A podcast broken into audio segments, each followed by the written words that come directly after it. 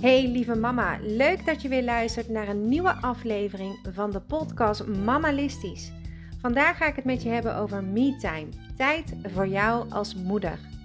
Ik weet hoe lastig het is om die tijd voor jezelf in te plannen. Maar dat het belangrijk is om te doen, dat weten we allemaal. Waarom doen we het dan zo weinig? Ik praat je bij, heb wat bruikbare tips voor je en vertel over mijn ervaringen van de afgelopen periode.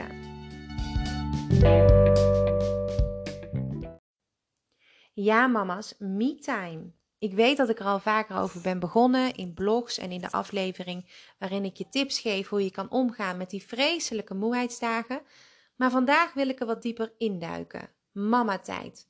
Een woord wat eigenlijk al zo'n beetje lijkt te zijn ingeburgerd in de wereld van moeders.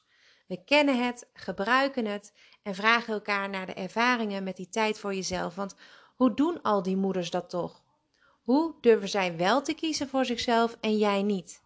Jij raast maar door, wil alles tot in perfectie geregeld hebben en kan je niet voorstellen dat je midden op de dag eens gewoon op de bank neerploft om even wat voor jezelf te doen. Ik begrijp je. Been there, done that. En dat is precies ook meteen de reden waarom ik deze aflevering maak voor jou, maar ook als een kleine reminder aan mijzelf. Toen ik net begon met het publiceren van deze podcastafleveringen, was me-time, oftewel mama-tijd, dus ook serieus een inspiratiebron. Want hoe creëer je als moeder nou meer tijd voor jezelf? Dat wilde ik weten omdat ik bezig ben met de opleiding tot life coach en ik wil moeders gaan coachen. Het is zo belangrijk dat zij op de hoogte zijn van alles wat er speelt in het gezin, dus ook in het huishouden. En dat kan heel veel omvatten. Tijd voor jezelf maken is dus ook niet makkelijk. Het was dus ook een van de redenen dat ik zelf begonnen ben met het minimaliseren van alles wat er in mijn huis lag. Ik had het namelijk zelf ook niet meer onder controle. Ook ik moest tijd voor mezelf vinden om te werken aan mijzelf.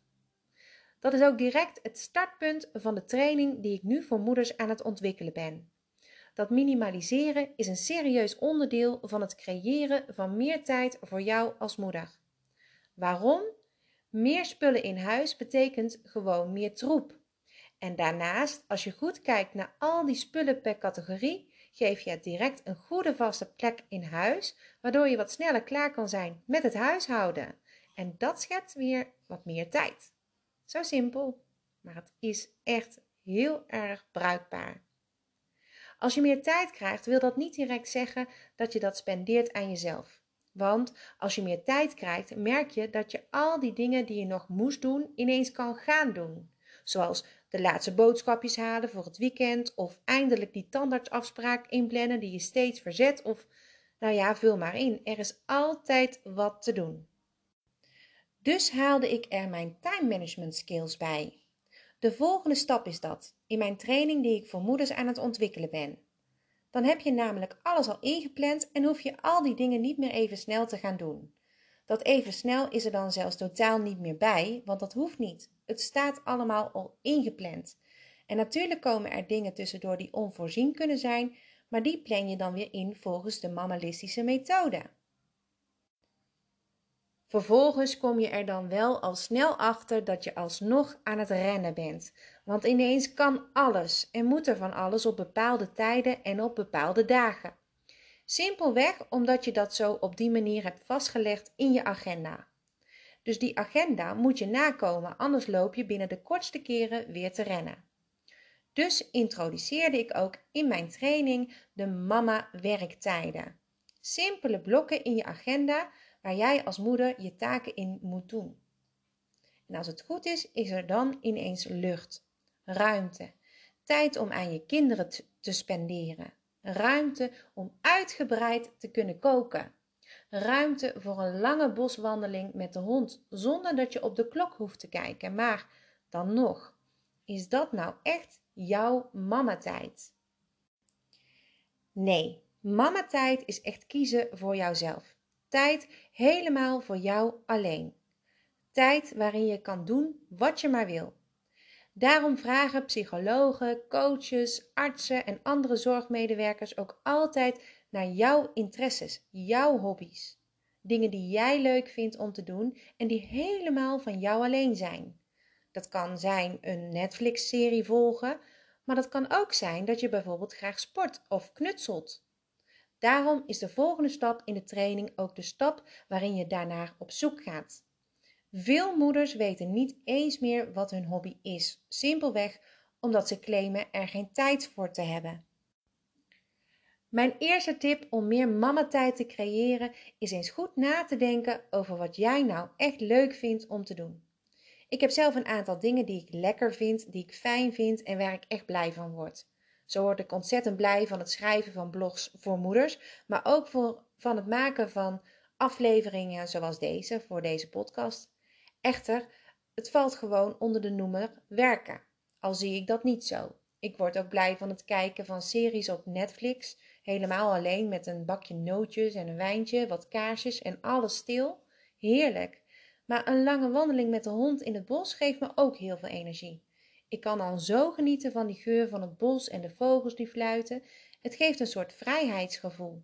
En verder vind ik het leuk om te schilderen. Dat zijn dingen die ik gewoon kan doen overdag, die ik combineer in het er zijn voor mijn kinderen, het nakomen van mijn afspraken die in mijn agenda staan en het werken. Onze hobby's zijn er om je ontspanning te bieden. Mijn moeder bijvoorbeeld haakt heel erg graag. Een vriendin van mij is verzot op fotograferen. En weer een ander sport zichzelf een slag in de ronde.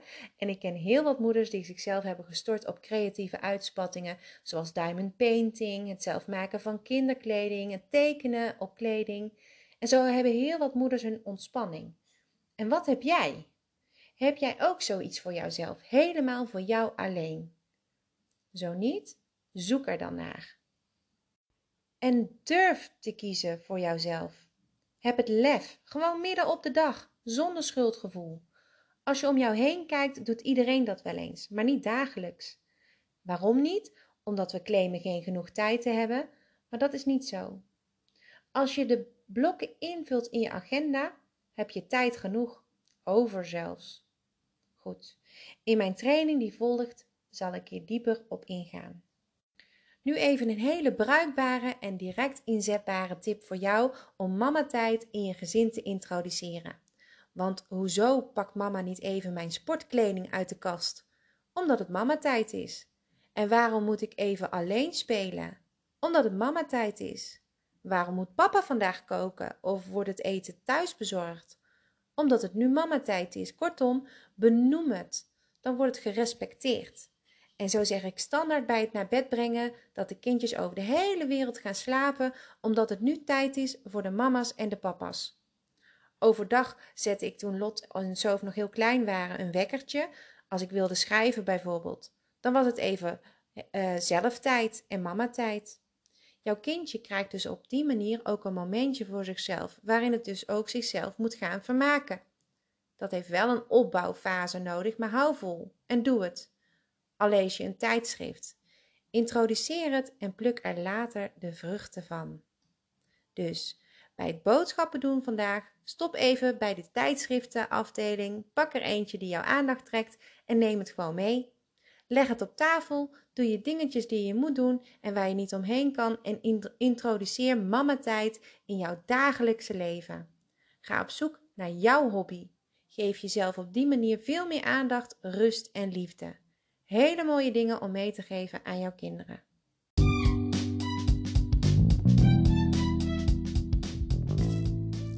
Bedankt voor het luisteren naar deze aflevering van Mamalistisch. Iedere maandag en donderdag een nieuwe aflevering. Tot de volgende!